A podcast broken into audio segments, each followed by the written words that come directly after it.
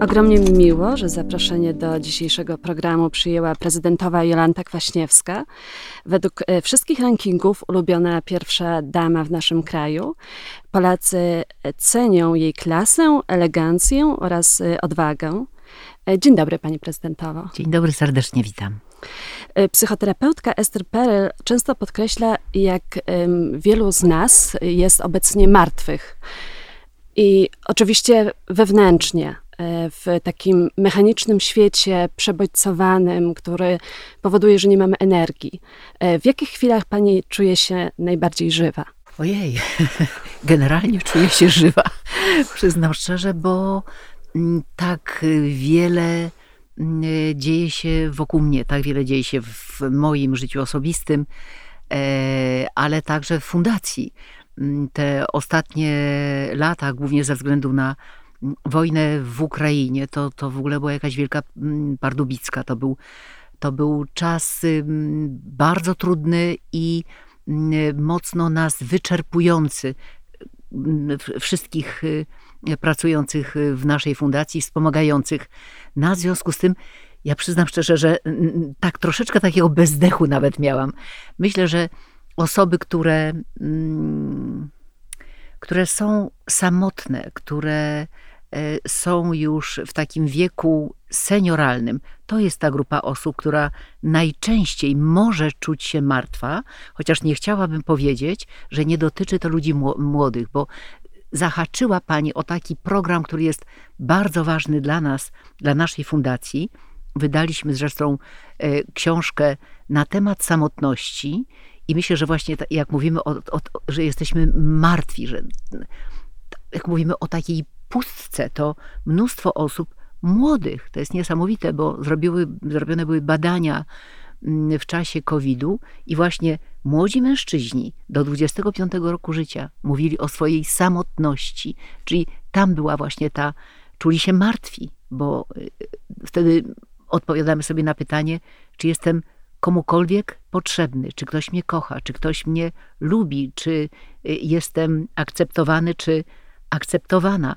Jeśli to wszystko to jest taka y, prosta, ciągła linia, nie ma żadnych y, amplitudy w górę, w dół, jesteśmy martwi. A pani się czuje akceptowana?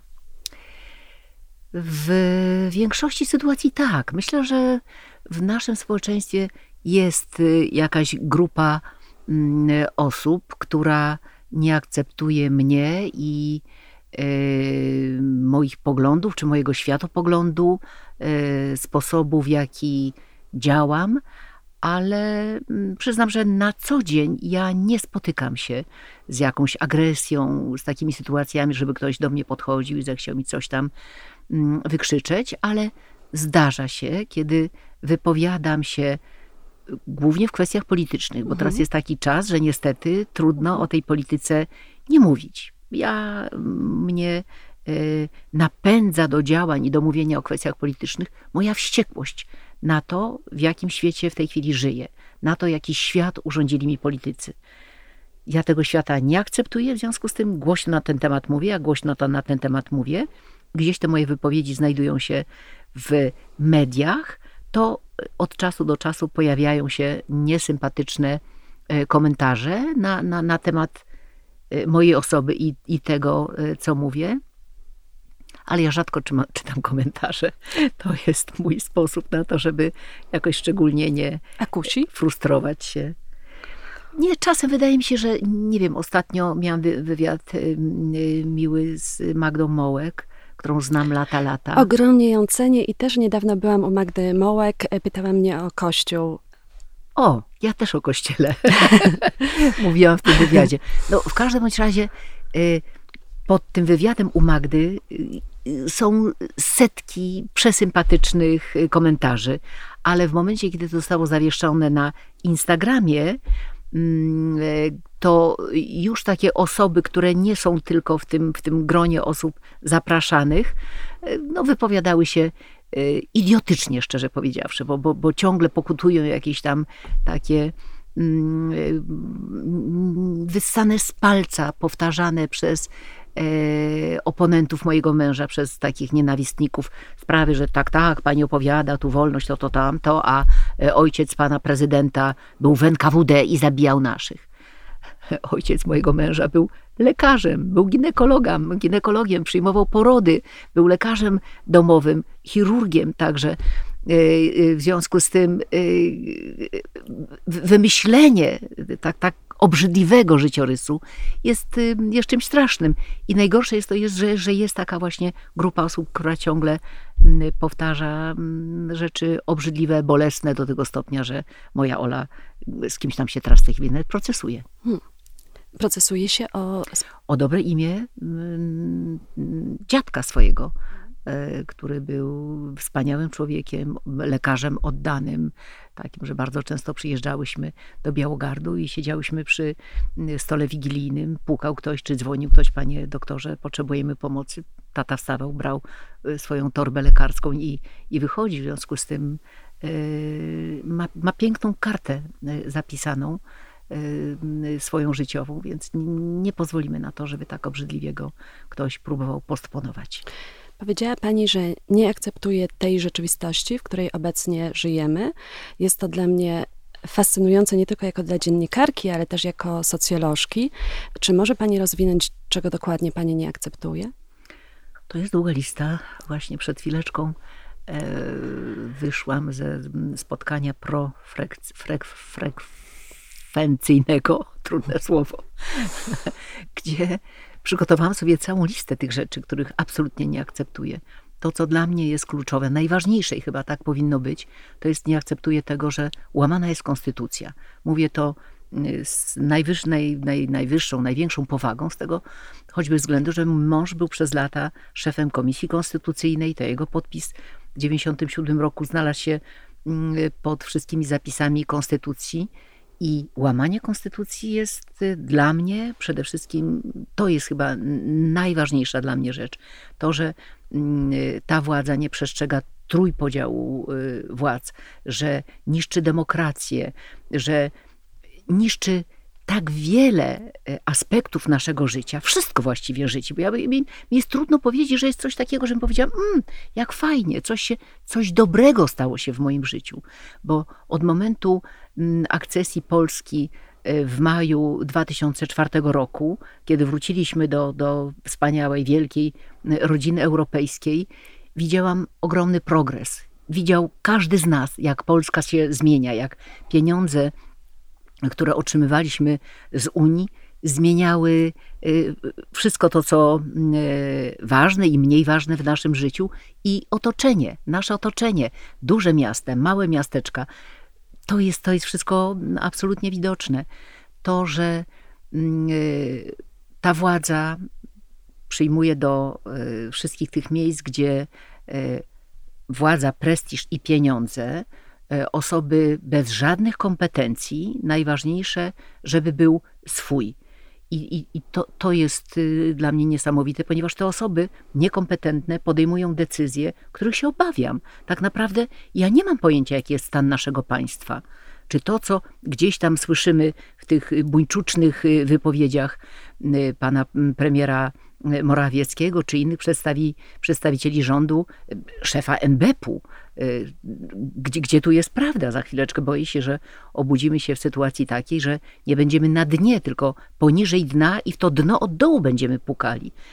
To, że łamane są prawa mm, kobiet, to, że łamane są prawa y, mniejszości mm, seksualnych y, w Polsce, właściwie czegokolwiek byśmy nie dotknęli, czy to będzie edukacja, czy to będzie telewizja publiczna, która jest telewizją jednej e, władzy, która po prostu stała się obrzydliwą szczujnią. To, że ta władza podzieliła Polskę na dwa obozy, na dwa plemiona, które nie rozumieją tego, co, co mówi drugie z tych, z tych plemion. Boję się, że scalenie tej Polski to jest takie marzenie, jak mój mąż wygrał E, wybory, szedł do drugich wyborów z hasłem Dom Wspólny Polska.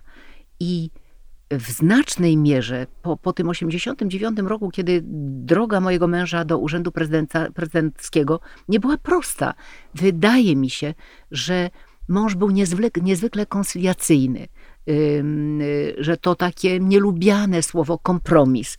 Często mówi się zgniły kompromis. Kompromis jest czymś ogromnie ważnym w życiu każdego z nas i w życiu każdego państwa.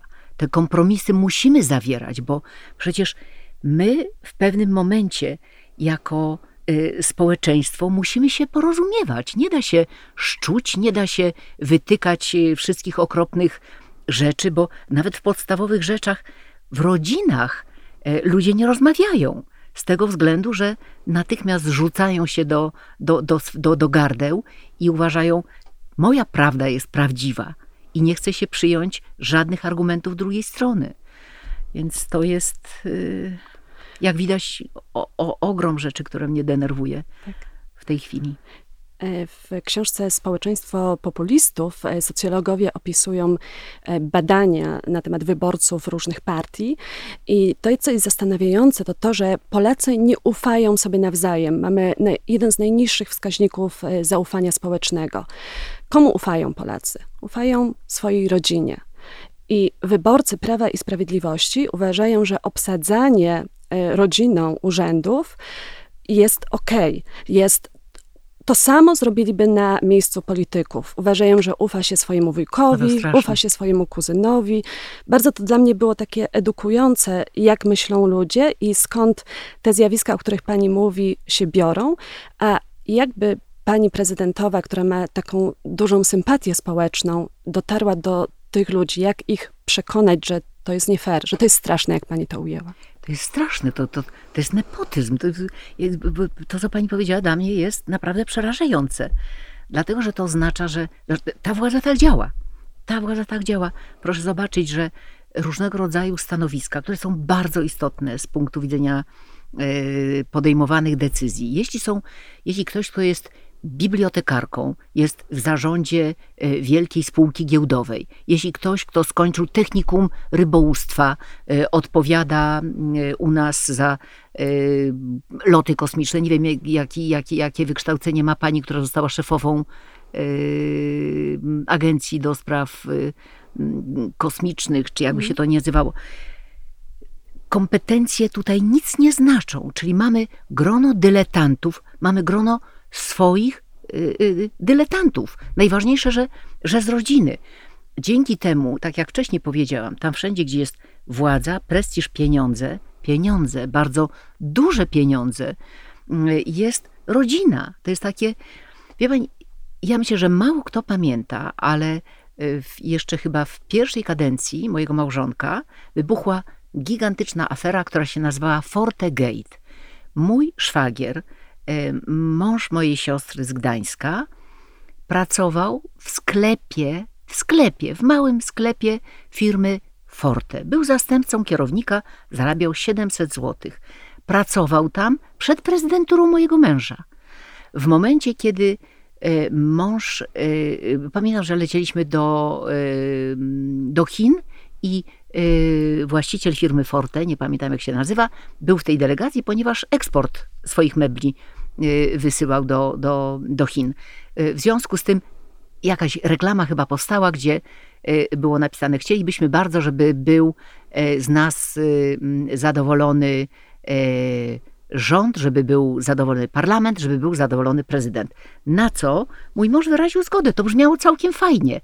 A zostało to określone, że mąż wziął udział w reklamie firmy Forte z tego względu, że mój szwagier w tej firmie pracuje.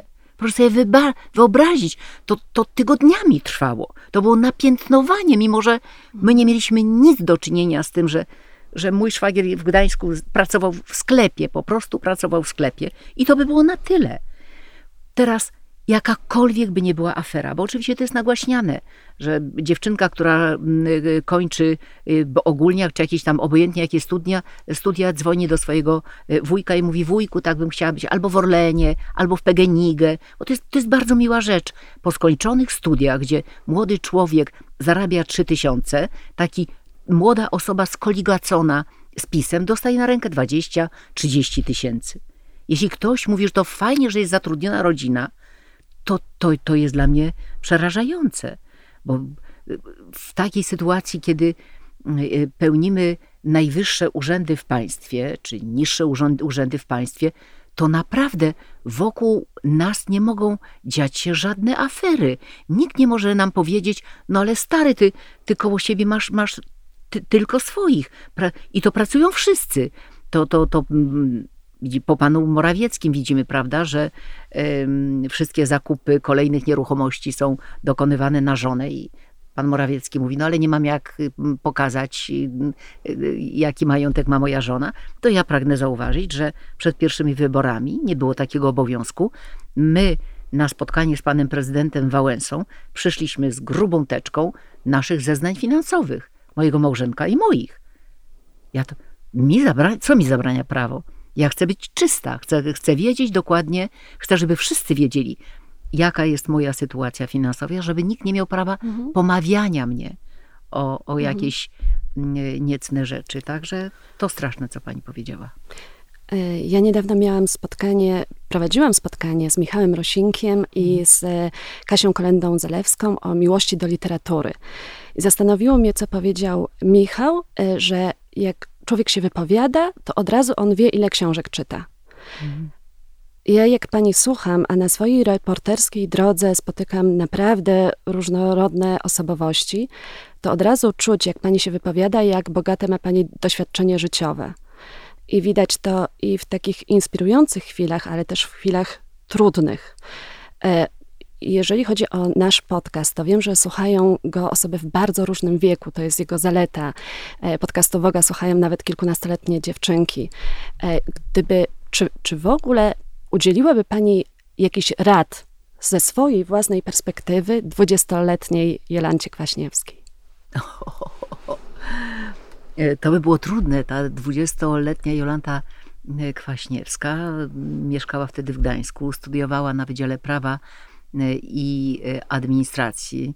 Byłam bardzo dobrą studentką, ale jednocześnie prowadziliśmy bajno, bardzo bujne życie towarzyskie i to, co bym radziła może nie tej Jolancie Kwaśniewskiej, tylko tym młodym ludziom, którzy w tej chwili studiują, którzy są w tym wieku, tak jak ja lat temu ho, ho, ho miałam lat 20, e, żeby kultywować przyjaźnie, żeby żyć taką pełnią życia tu i teraz, bo bardzo często jest tak, ja, ja, jak rozmawiałam z moją Olą, czy rozmawiałam z dziećmi moich przyjaciół, którzy w tej chwili studiują, właściwie oni nie mają zna, żadnych znajomych, żadnych przyjaźni ze studiów. Dla mnie to jest zadziwiające, bo hmm. te przyja przyjaźnie właśnie z czasów studiów u mnie w moim przypadku przetrwały do dnia dzisiejszego. To były dla mnie bardzo ważne doświadczenia, które mnie ukształtowały.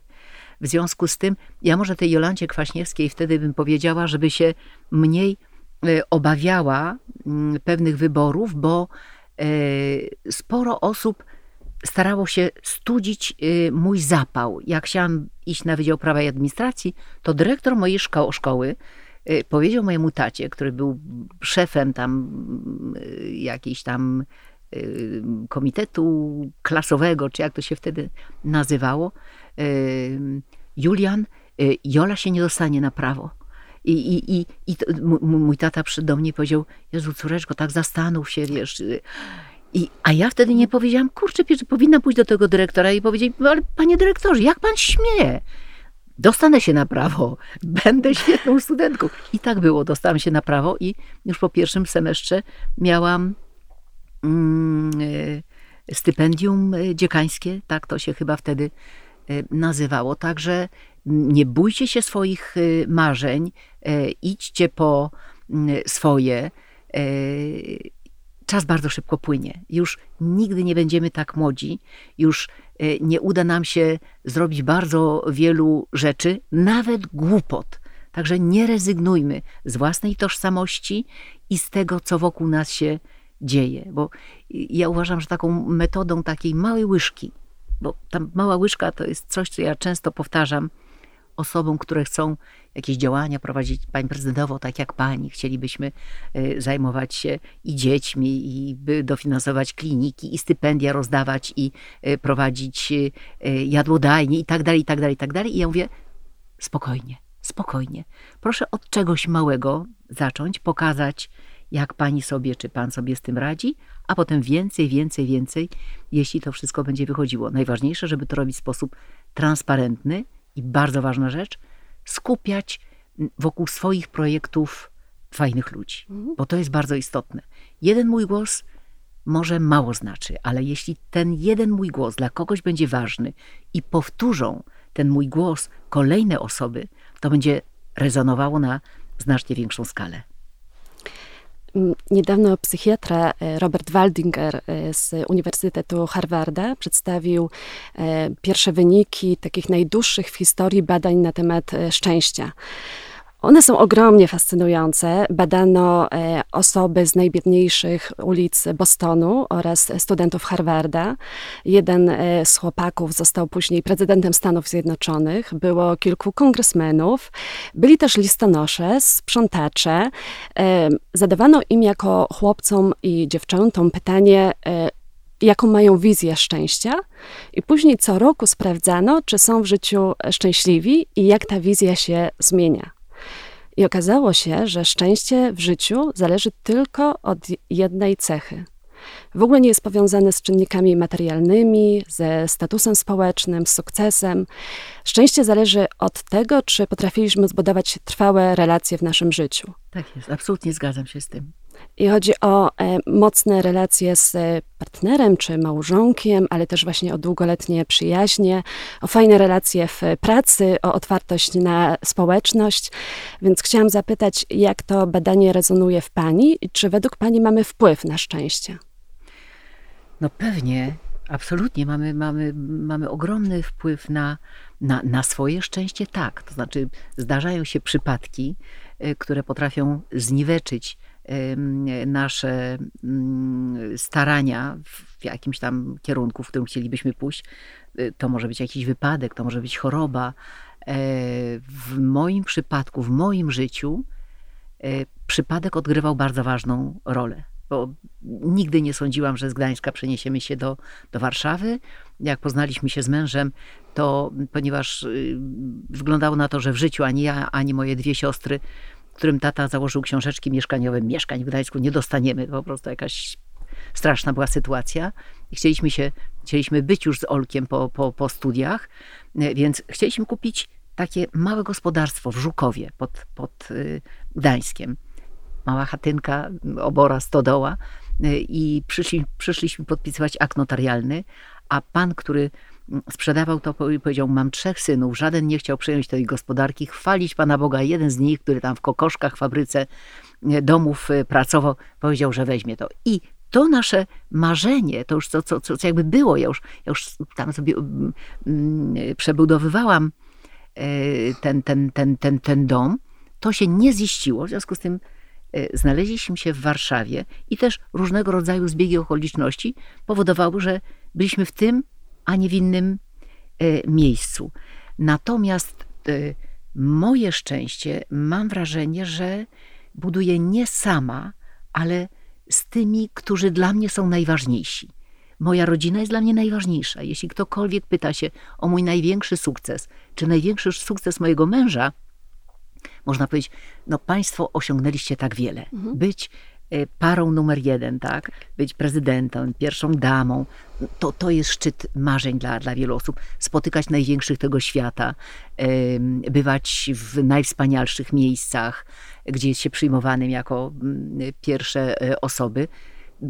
To jest szczęście, to, to jest przyjemność, ale ja te wszystkie rzeczy, te, te wszystkie spotkane osoby, te wszystkie cudne miejsca mm, zamienię na jednego, jedynego mojego męża i moją rodzinę, bo y, Oleńka jest y, najważniejsza w naszym y, życiu, ale taką osobą numer jeden, z którą spędzam moje życie, 44 lata, jest Olek.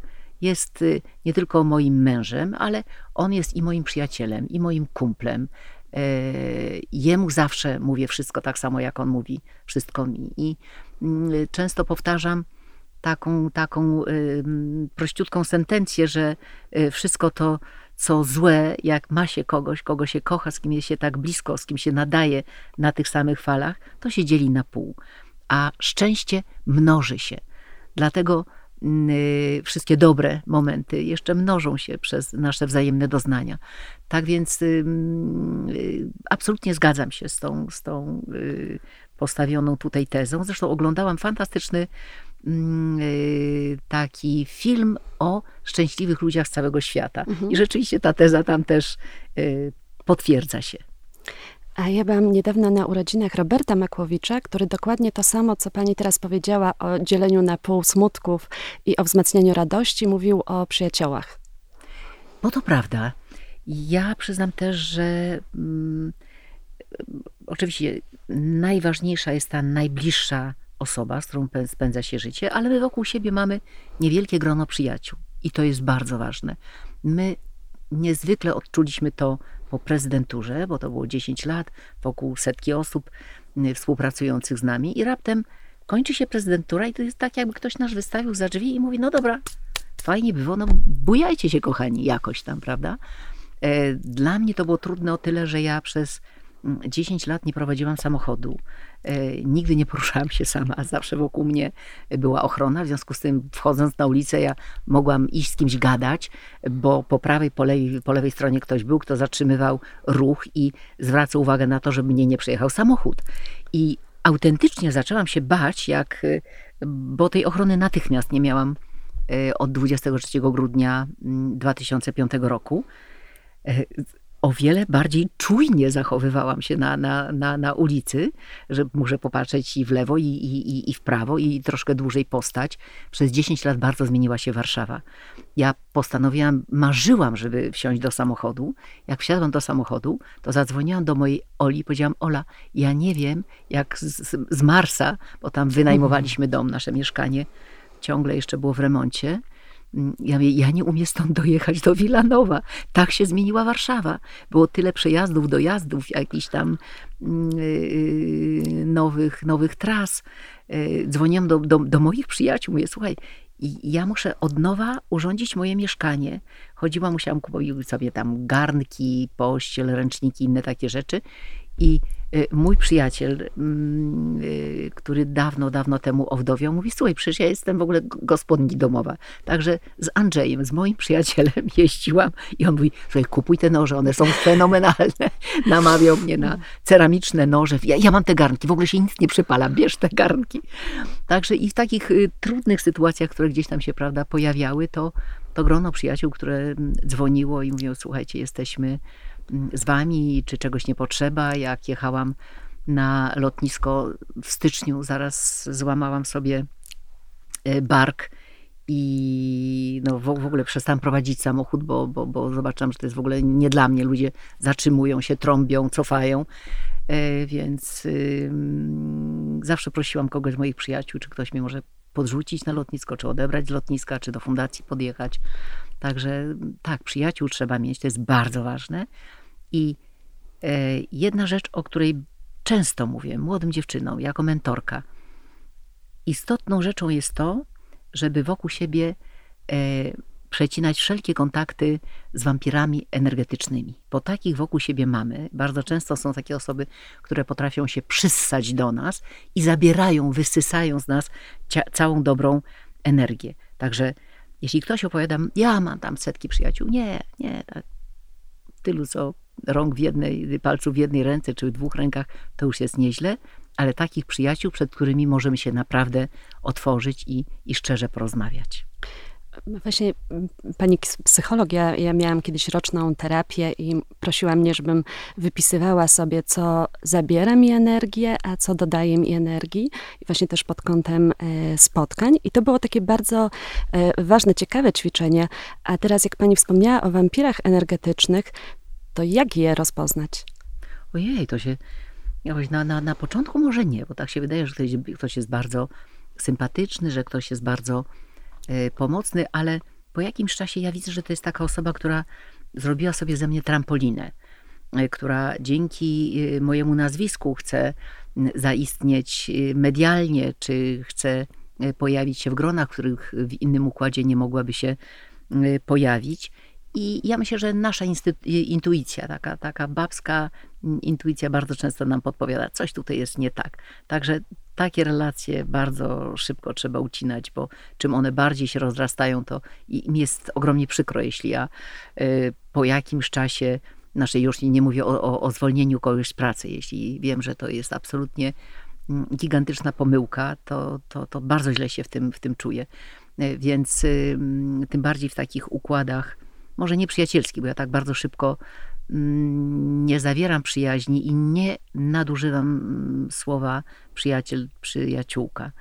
E, ale jeśli ktoś bardzo mm, stara się wejść w nasze łaski i, i po jakimś czasie docierają do nas jakieś informacje, że to nie jest przyjaciel, to nie jest ktoś, kto jest y, dla nas przyjazny, a jeszcze opowiada o naszych spotkaniach, o, o rzeczach, które bardzo często mówimy sobie tylko w cztery oczy. Jeśli przychodzi do mnie przyjaciółka i mówi, Ola, dzieje się coś tam niedobrego, ale to, to tylko dla ciebie, to, to ja tego nawet nie powtórzę mojemu mężowi. Mhm. I tak być powinno, wydaje, wydaje mi się. E, powiedziała coś pani niezwykle pięknego o swoim mężu, że zamieniłaby Pani każde spotkanie z tą wybitną, inspirującą postacią historyczną e, na spotkanie ze swoim mężem. A wiemy, z jakimi ludźmi Pani miała e, styczność i się spotykała. E, ja chciałam zapytać, jak Państwo się poznali, to czy brała Pani właśnie pod uwagę takie cechy potrzebne do budowania długoletniego związku, czyli że może Pani polegać na Panu Aleksandrze, czy że może Pani e, prezydentowa mieć takie poczucie, e, że to jest e, właśnie nie wampir energetyczny, tylko człowiek, który tę, tę energię, energią będzie wspomagał w sytuacjach też stresujących.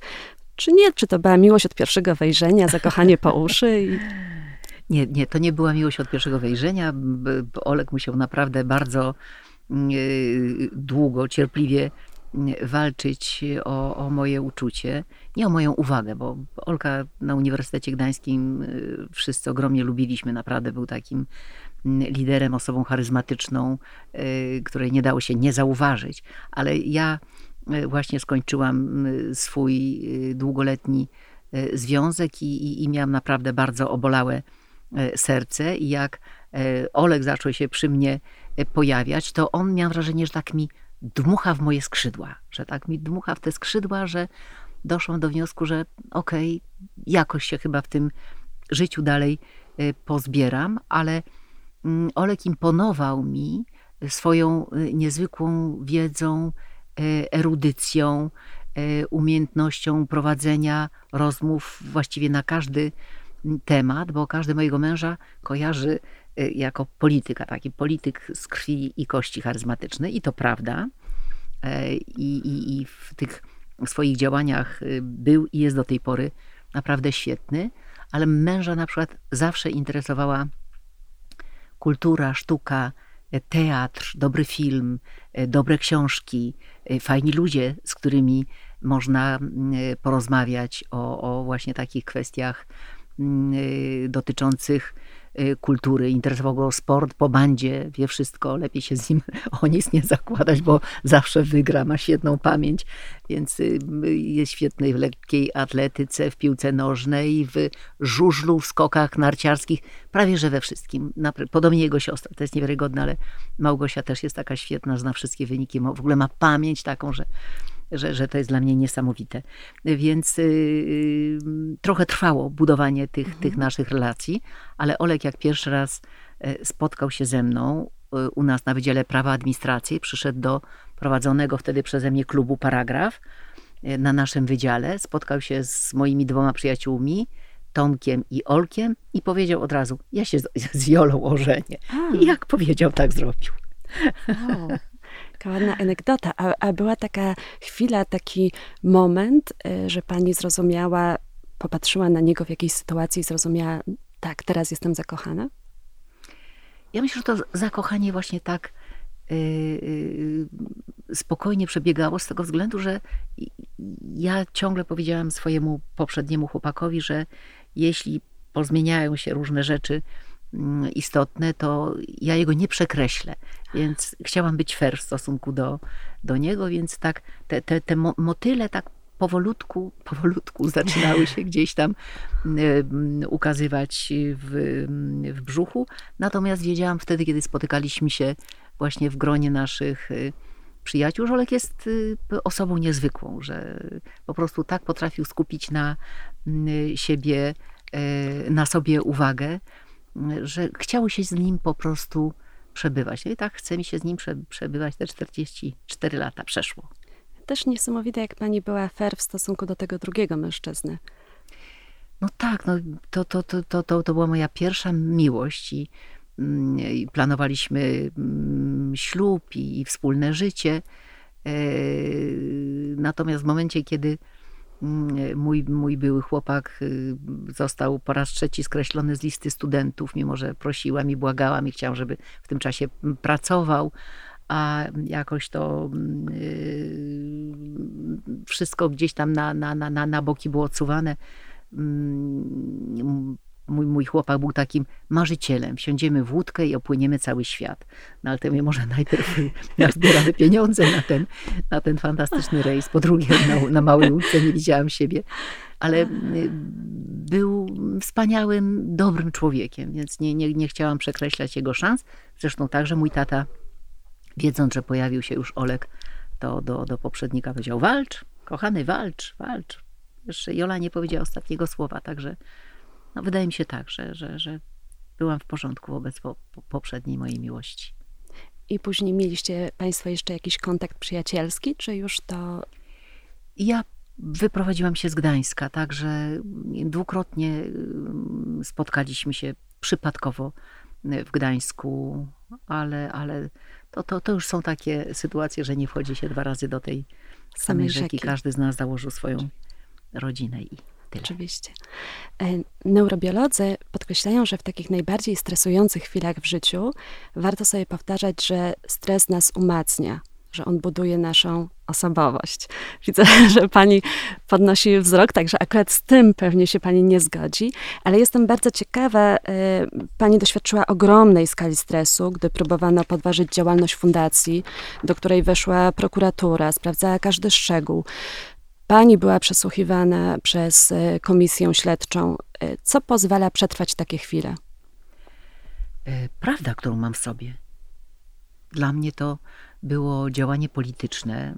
Rzeczywiście ja, ja potwornie przeżyłam mm, przesłuchanie mnie przed komisją śledczą, a potem ABW przyszło do nas, do naszej fundacji, dziesięciu panów w kominiarkach, zabrali pełną dokumentację, zabrali nam twarde dyski, no, staliśmy się takimi, mm, no, dla, y, na, na, na ten moment starano się mm, za wszelką y, cenę mm, wykazać jakieś działania niezgodne z prawem naszej fundacji. Dla mnie fundacja jest święta.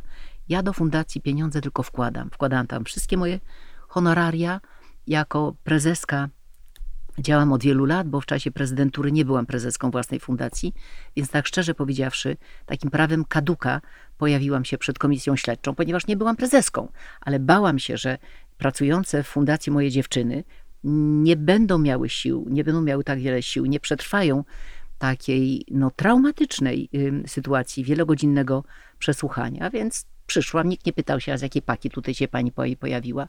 Jola, Fundacja Jolanty Kwaśniewskiej. No jest Jolanta Kwaśniewska. Tyle w statucie, w KRS-ie. Ja nigdzie nie byłem, nigdy nie byłam prezeską.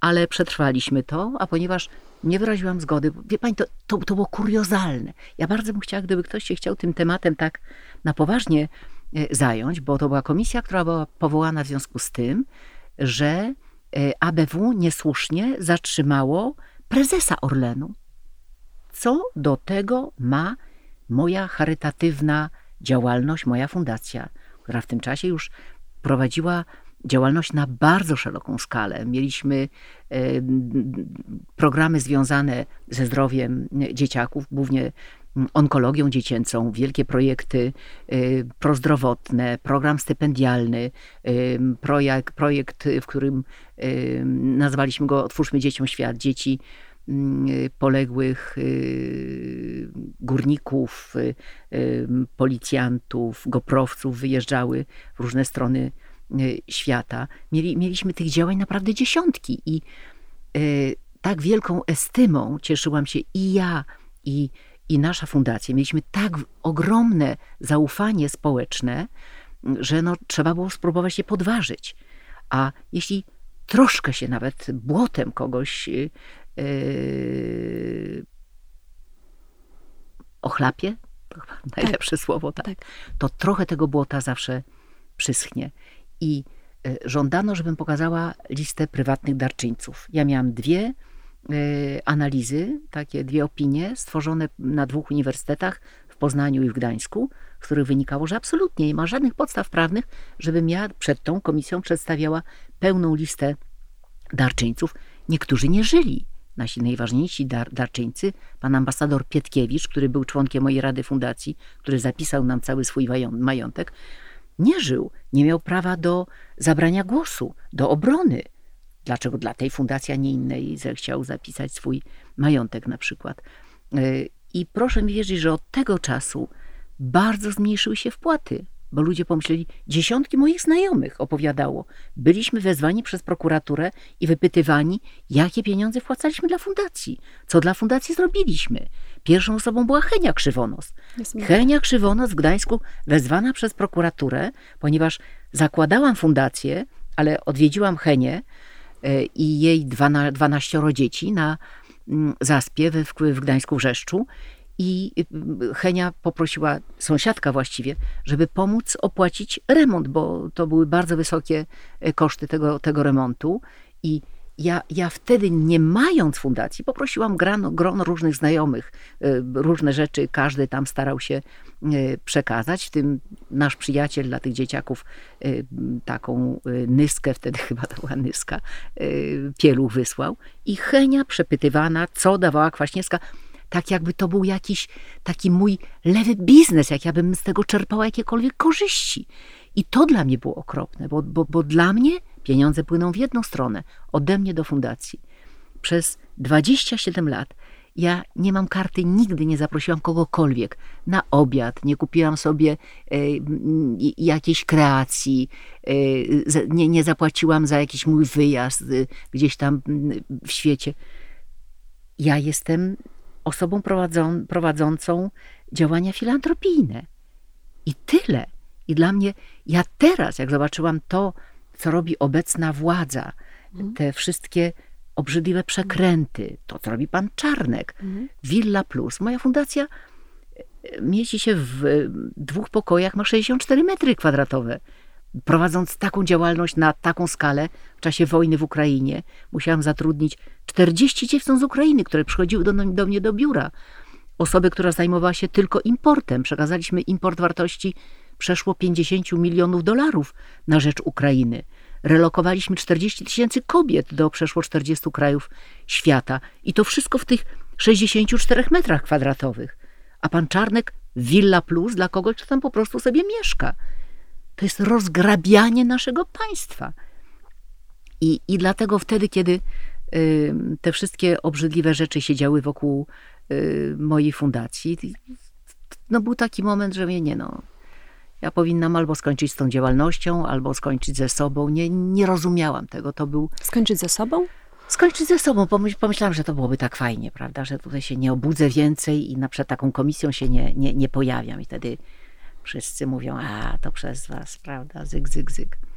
I to jakieś takie chwile czasem człowiek ma w życiu, że, że, że po, po, po prostu mm, nie potrafię zrozumieć. Im więcej było wokół mnie takich ludzi, którzy podchodzili i dziękowali za coś, tak? Moje dzieci żyją, bo mm, były przeszczepione na łóżkach przeszczepowych y, zafundowanych przez panią prezydentową. 30 tysięcy dzieciaków co roku jest badanych w klinice onkologii dziecięcej w Gdańsku, którą nasza fundacja ufundowała i wybudowała. I czym więcej takich działań prokobiecych, które w fundacji robiliśmy i robimy przez cały czas, ci ludzie, którzy przychodzą i tulą się do mnie i dobre słowa mówią, i do tej pory w tych rankingach, tak jak pani wspomniała, bardzo y, wysoko moja osoba stoi, no to, to jest zawić i to jest próba zniszczenia mojej wiarygodności, mojej uczciwości, które dla mnie są najważniejsze. Bycie przyzwoitym człowiekiem, Rano wstaję uśmiechnięta, uśmiecham się do swojego odbicia w lustrze i myślę, że ludzie to widzą. Ta autentyczność jest ważna. właśnie wielu osób, wiele osób w Polsce pod kątem też badań e, socjologicznych ma takie myśli, że lepiej może nie robić nic, nie wychylać się, e, żeby właśnie inni tego nie podważali, żeby nie było takich brutalnych emocji w naszym, wprowadzanych do naszego e, życia. Jak przełamać taki sposób myślenia? Wie pani, ja czasem się temu nie dziwię. Jeśli każda z kolejnych pierwszych dam mogła przyglądać się mojej drodze i jak zostałam potraktowana, to ktoś mi, Matko Boska, to nie jest za częsta sytuacja, że oprócz wszelkich obowiązków, które, które miałam jako małżonka prezydenta, a jest ich naprawdę sporo, jeszcze mam fundację, która działa na taką skalę. Mam genialną radę fundacji, organizuję wielkie koncerty.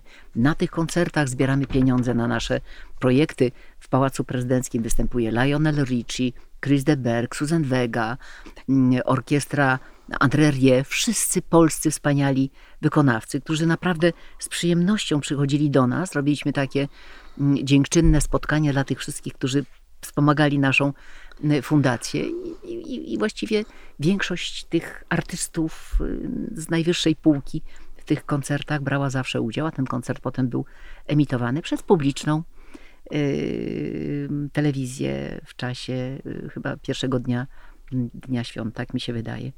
Więc z jednej strony nie dziwię się, a z drugiej strony y, ja mogłabym się w moim życiu załamać naprawdę już wielokrotnie i powiedzieć koniec. Koniec, bo były takie sytuacje, że ja naprawdę nie miałam siły wstać z łóżka. Ale powiedziałam, nie, oni mnie nie złamią. Ja nie mogę pokazać takiej sytuacji mm, mojej y, słabości bo, bo właśnie i ta wściekłość mnie napędzała, a z drugiej strony naprawdę czułam mnóstwo ciepła ze strony osób, z którymi i współpracowałam, i ze strony tych, którzy mm, mogli od nas y, otrzymywać y, pomoc. Mm, w związku z tym wydaje mi się, że każdy na taką skalę, na jaką może, powinien mm, działać i jesteśmy w stanie wyjść, jak widać, z najgorszych opresji, więc jeśli ktoś ma w sobie taką żyłkę społecznikowską, jeśli ktoś w jakiejkolwiek dziedzinie czuje, że chciałby dawać tą cząstkę siebie innym, to absolutnie do tego zachęcam, bo ta ilość dobra, którą się daje, ona naprawdę wraca i, i nas uskrzydla. Myślę, że to też bardzo ważne, co pani mówi, dla ludzi, którzy postrzegają panią e, jako właśnie niezwykle elegancką, z klasą, z odwagą, tak jak wspomniałam na rozpoczęciu programu, że także pani miała takie dni, w których nie miała pani po prostu siły wstać z łóżka, że to dotyczy naprawdę wielu osób. Ja myślę, że to tak, do, dotyczy chyba, chyba mm, każdego. Trudno mi się wypowiadać, bo yy, znam bardzo wiele osób, które Mm, wydawać by się mogło, że osiągnęły gigantyczny sukces w swojej mm, dziedzinie, ale często jest tak, że, że dzieją się jakieś takie rzeczy wokół, o których my zewnątrz nie wiemy, nie, nawet nie przypuszczamy, że mm, jest sporo takich osób, które po prostu czuje taką gigantyczną niemoc, czy e, nie chce borykać się z problemami Mm, życia codziennego. Ja mm, no już nie chcę mówić o takich najtrudniejszych, skrajnych, sytuacjach, skrajnych sytuacjach, kiedy osoby, które podziwialiśmy, e, decydują się na popełnienie samobójstwa, bo to już jest dla mnie coś, coś niewiarygodnego. Osoby, które się wydaje, Boże, taki sukces, taki wspaniały. E, ktoś, świetni komicy, świetni aktorzy, mm, piosenkarze. Nie wiem, przychodzi coś takiego, jakaś jakiś taki smutek, taka mgła raptem i, i decydują się na, na, na, na, na najgorsze z rozwiązań, a potem, kiedy odchodzą, dopiero wtedy dowiadują się, ile wokół nich było miłości. Tylko bardzo często to, co jest najtrudniejsze, my nie umiemy o tej miłości mówić, bo bardzo często tak się dzieje w wielu domach, bo przychodzą do mnie młode osoby czy starsze osoby i mówią, pani prezydentowo, Pani tak pięknie mówi o swojej y, córce czy o, o swoim mężu. Y, w moim domu nigdy nie usłyszałam od moich rodziców: Kocham cię.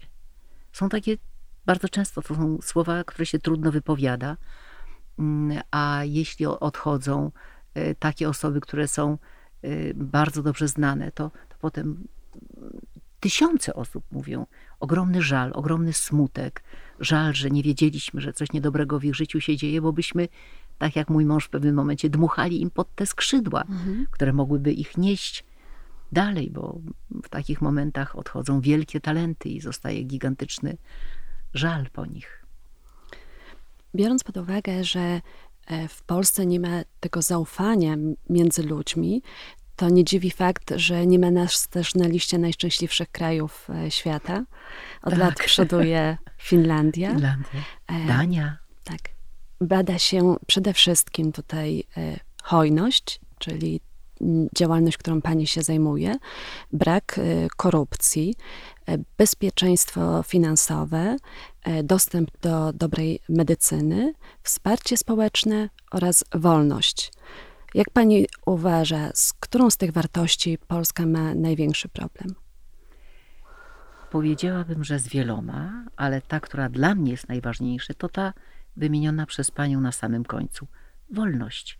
Wolność wyboru, wolność mówienia mm, z otwartą przyłbicą o sprawach y, trudnych. Od y, momentu, kiedy y, mamy tą władzę, ta wolność skurczyła, skurczyła się w sposób dramatyczny. To jest wolność sądów, to wszystko, co się działo w obronie sądu, w obronie poszczególnych sędziów, ta ich odwaga, mm, ich próba niezależności, która była tak deprecjonowana, wolność kobiet do wyborów, wolność kobiet do aborcji, y, wolność osób y, y, tej samej płci do dokonywania dowolnych wyborów i do wspólnego życia, do podejmowania wspólnych decyzji, do możliwości stworzenia związków małżeńskich.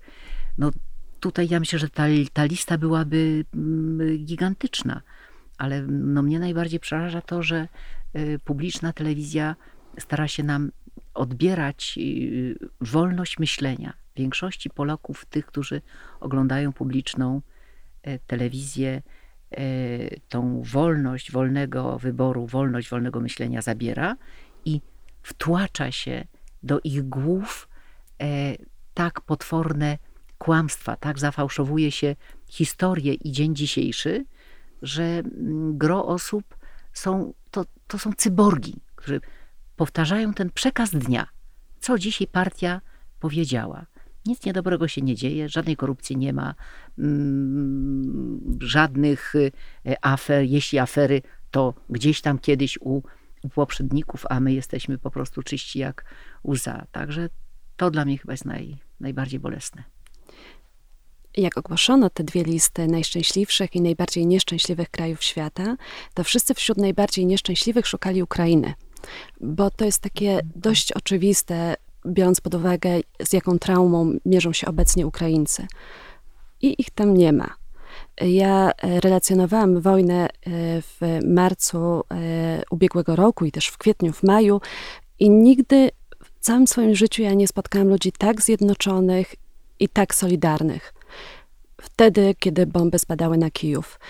I mm, tak myślę, że właśnie te, te więzi społeczne tam się tak zacieśniły, te więzi y, narodowe, że to też zmienia postrzeganie rzeczywistości w zakresie takiego spełnienia człowieka i poczucia, że nie jest osamotnionym. Y, a jak pani przeżyła wybuch wojny u naszego sąsiada? E, dramatycznie, bo mm, Ukraina w przypadku naszej rodziny zawsze była nam bardzo e, bliska. Przez całą prezydenturę mm, mojego małżonka mieliśmy bardzo bliskie, bardzo dobre kontakty ze wszystkimi mm, prezydentami. E, do tej pory utrzymujemy kontakty z niektórymi z nich. Spotykamy się na jakichś konferencjach za granicą. Także ta, ta, ta Ukraina miała miejsce szczególne, chociaż mm, w przypadku mojej rodziny mogłabym powiedzieć, że zawsze mm, jakiś taki mógłby być dystans, bo rodzina mojego taty e, pochodzi z małej miejscowości Borszczówka, e, która w czasie II wojny światowej została zrównana z ziemią. Niemcy z ukraińskimi sąsiadami. Tą miejscowość, ludność z tej miejscowości zapędzili do stodoły, przeszło 300 osób zostało spalonych, zamordowanych. Byłam tam 18 lat e, od tych wydarzeń. Tam nie ma kamienia na kamieniu, po prostu jest, jest pustka. Mój tata chciał nam pokazać swoje przepiękne mm, e, miejsca, gdzie mm, spędził pierwsze kilkanaście lat życia. Tam nie było nic. E, więc na pewno taka gigantyczna trauma była w sercu mojego taty, ale jak mąż pytał się, Julian, zależy mi na Twoim zdaniu. Czy powinniśmy dążyć do pojednania polsko-ukraińskiego? Tata powiedział, tylko w ten sposób możemy dalej żyć. Mimo, że w tym pożarze siostra mojego taty zginęła, mm, następna siostra została wywieziona do Kazachstanu. Jeden z, jedno z dzieci zmarło tam. W Ostaszkowie został y, zamordowany mm, siostry taty y, mąż.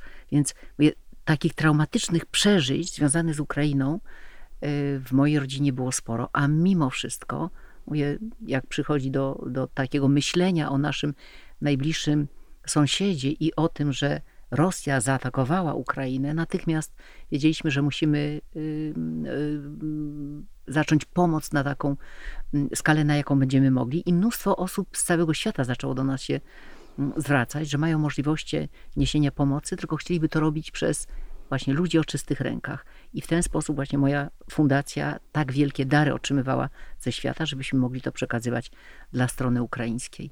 Ja nie mogłam tego pojąć, że przez długi, długi czas y, y, wielu polityków y, nie chciało nazwać po imieniu agresji Rosji na Ukrainę. Widzieliśmy bombardowania, widzieliśmy Mm, mordowanych mm, Ukraińców i kobiety i dzieci, bo przecież były atakowane nie tylko cele militarne, były atakowane cele strategiczne, czyli Putin dążył do wyniszczenia tego narodu. To, mm, ta skala to jest już to, to jest ludobójstwo. Y, więc y, staraliśmy się natychmiast rozpocząć działania. Mąż aktywny y, w Ukrainie jest od 20 chyba 7, 7 mm, lat, od bardzo, bardzo wielu lat przewodniczy takiej międzynarodowej wielkiej organizacji jest dla Ukrainy w Unii Europejskiej, także zaraz po rozpoczęciu wojny był już w Kijowie. Z granicy przejęliśmy wszystkich naszych, wszystkie kobiety naszych przyjaciół, czy to były matki, żony, siostry przyjaciół, umieściliśmy ich y, w naszych domach. Tak jak powiedziałam, fundacji daliśmy pracę dla 40 dziewczyn, które e, przyjechały z fundacji. Staraliśmy się, aby jak najwięcej tych kobiet, które znalazły się w tych ośrodkach przejściowych, e, czy to był ośrodek Ptak, czy, czy to był Torwar, inne miejsca, gdzie były kobiety, Y, prowadziliśmy akcję relokacji, bo wiedzieliśmy, że przebywanie w, w ja miałam możliwość wejścia na, na, na tę salę. Byliśmy jedyną fundacją, która taką zgodę otrzymała, ponieważ moje Ukrainki przychodziły do tych kobiet, siadały na łóżkach i mówiły: W przyszłym tygodniu jest autobus do Finlandii. Tam dostajecie fantastyczne mm, warunki. To będą małe domki, dzieci y, będą miały natychmiast zorganizowaną naukę, wy uczycie się również języka, dostajecie jakieś tam pieniądze i tak dalej, i tak dalej. Więc y, to dla nas było bardzo ważne, że i udało nam się tak wiele kobiet ukraińskich z dziećmi mm, relokować po całej Europie i nie tylko, ale też te 40 dziewczyn, które przyjechały do Polski miały u nas pracę. Dzięki temu wynajmowały sobie wspólnie mieszkania, były tutaj z dziećmi, wzajemnie dziećmi się opiekowały. E, gro z nich wróciło już do Ukrainy. Jedna, jedyna Irinka została, ciągle pracuje u nas w fundacji, a w tej chwili mamy taki świetny projekt dla e, dziewczyn z Ukrainy, dla kobiet z Ukrainy. Najmłodsza, która przyjeżdżała do nas, już jeden taki projekt organizowaliśmy mm, w maju, a teraz kolejny zaczynamy 8 października dla kobiet liderek ukraińskich, które przyjeżdżają bardzo często z pierwszej linii frontu, dla kobiet, które pozakładały fundacji, stowarzyszenia. E, to jest mentoriada. Przez tydzień są e, tutaj szkolone przez naprawdę świetne osoby, które wzmacniają je, które mówią, jak budować siłę w sobie, jak działać w przyszłości, cały jeden dzień poświęcony, jest traumom. Ich traumom i traumom, traumom ich bliskich, którzy e, kiedyś tej, oby jak najszybciej szybciej z tej e, wojny wrócili. Także to są, e, to jest tydzień takich naprawdę świetnych zajęć. Chcemy nauczyć te dziewczyny, żeby odwrotnie jak polskie kobiety po 1989 roku nie zostały odsunięte od władzy, bo przez cały czas pracowały ramię w ramię z panami, a jak przyszedł czas wolności, to wszystkie stanowiska pozajmowali panowie, a te swoje koleżanki gdzieś tam odsunięto na bok, więc mówimy, uczcie się na naszych błędach, nasze ukraińskie siostry, nie popełniajcie naszych błędów. Y, także to jest też taki, taki projekt bardzo, bardzo ważny. Ja zresztą mogłam o tym projekcie y, powiedzieć pani Załęskiej w Davos i bardzo się z tego projektu ucieszyła. Także jak widać pracy u nas nie, nie, nie brakuje. Ta skala y, pomocy Ukrainie jest naprawdę mm, bardzo, bardzo duża, ale najważniejsze jest to, żeby ta wojna jak najszybciej się zakończyła i żeby to szczęście, o których pani mm, wspomniała, rzeczywiście mogło e, zagościć w ich domach. Dziewczyny zresztą, te, które przyjeżdżały, rzeczywiście mówiły, że one mm, czują taką w sobie ogromną wewnętrzną siłę i wiarę w to, bo to, to, jest, to jest niebywałe, niebywałe, co udało się Putinowi. Nie tylko zniszczenie Ukrainy, ale udało się zbudować w nich y, poczucie świadomości jako narodu. On ich zjednoczył, on ich zjednoczył. Teraz y, bardzo wiele osób, które mieszkały w Ukrainie, z nami rozmawiało po rosyjsku. Teraz nawet ci, którzy mówili tylko po rosyjsku, mówią tylko po ukraińsku. Co jakoś bardzo nam nie przeszkadza, bo jakoś rozumiem, rozumiemy się wzajemnie, ale ta wojna zmieniła w Ukrainie wszystko. E, ten temat jest mi bardzo bliski, e, więc tak ogromnie się cieszę, że podsumowujemy naszą audycję tak e, sprawczymi działaniami na rzecz Ukrainy. W, tej, w tym podcaście będę e, gościła lekarzy, działaczy, polityków, e, artystów i pod koniec będziemy zawsze próbowali zwracać się z jakimś apelem do polityków. Pani mówiąc dzisiaj o wolności, powiedziała o małżeństwach także dla osób jednopłciowych. Czy możemy wspólnie poprosić, e, zaapelować do polityków o małżeństwa dla wszystkich w Polsce? Ja jestem o tym y, przekonana, ponieważ nikt z nas nie ma y, prawa y, urządzania tego świata na swoją modłę. Uczucia są najważniejsze i nikt z nas nie ma prawa w nie ingerować i postponować te osoby i w sposób wulgarny o takich osobach się wyrażać, ponieważ My mamy bardzo wielu nie tylko znajomych, ale przyjaciół, y, par jednopłciowych i ogromnie y, te pary lubimy i śmiejemy się nawet, że często jest tak, że my mamy za sobą 44 lata, a kolejna para jednopłciowa jest ze sobą lat 15 i mówimy, słuchajcie, trzymajcie się, bo jesteście tutaj tuż za nami na, na, na drugim y, miejscu. Tak, chciałabym, żeby także kwestia małżeństw jednopłciowych została uregulowana raz na zawsze. To jest nasz wspólny apel. Miłość to miłość, a dla mnie to ogromny zaszczyt, że mogłam dzisiaj porozmawiać z panią prezydentową na tak różnorodne tematy. Oj tak. Dziękuję. Ja również dziękuję. Wszystkiego dobrego życzę.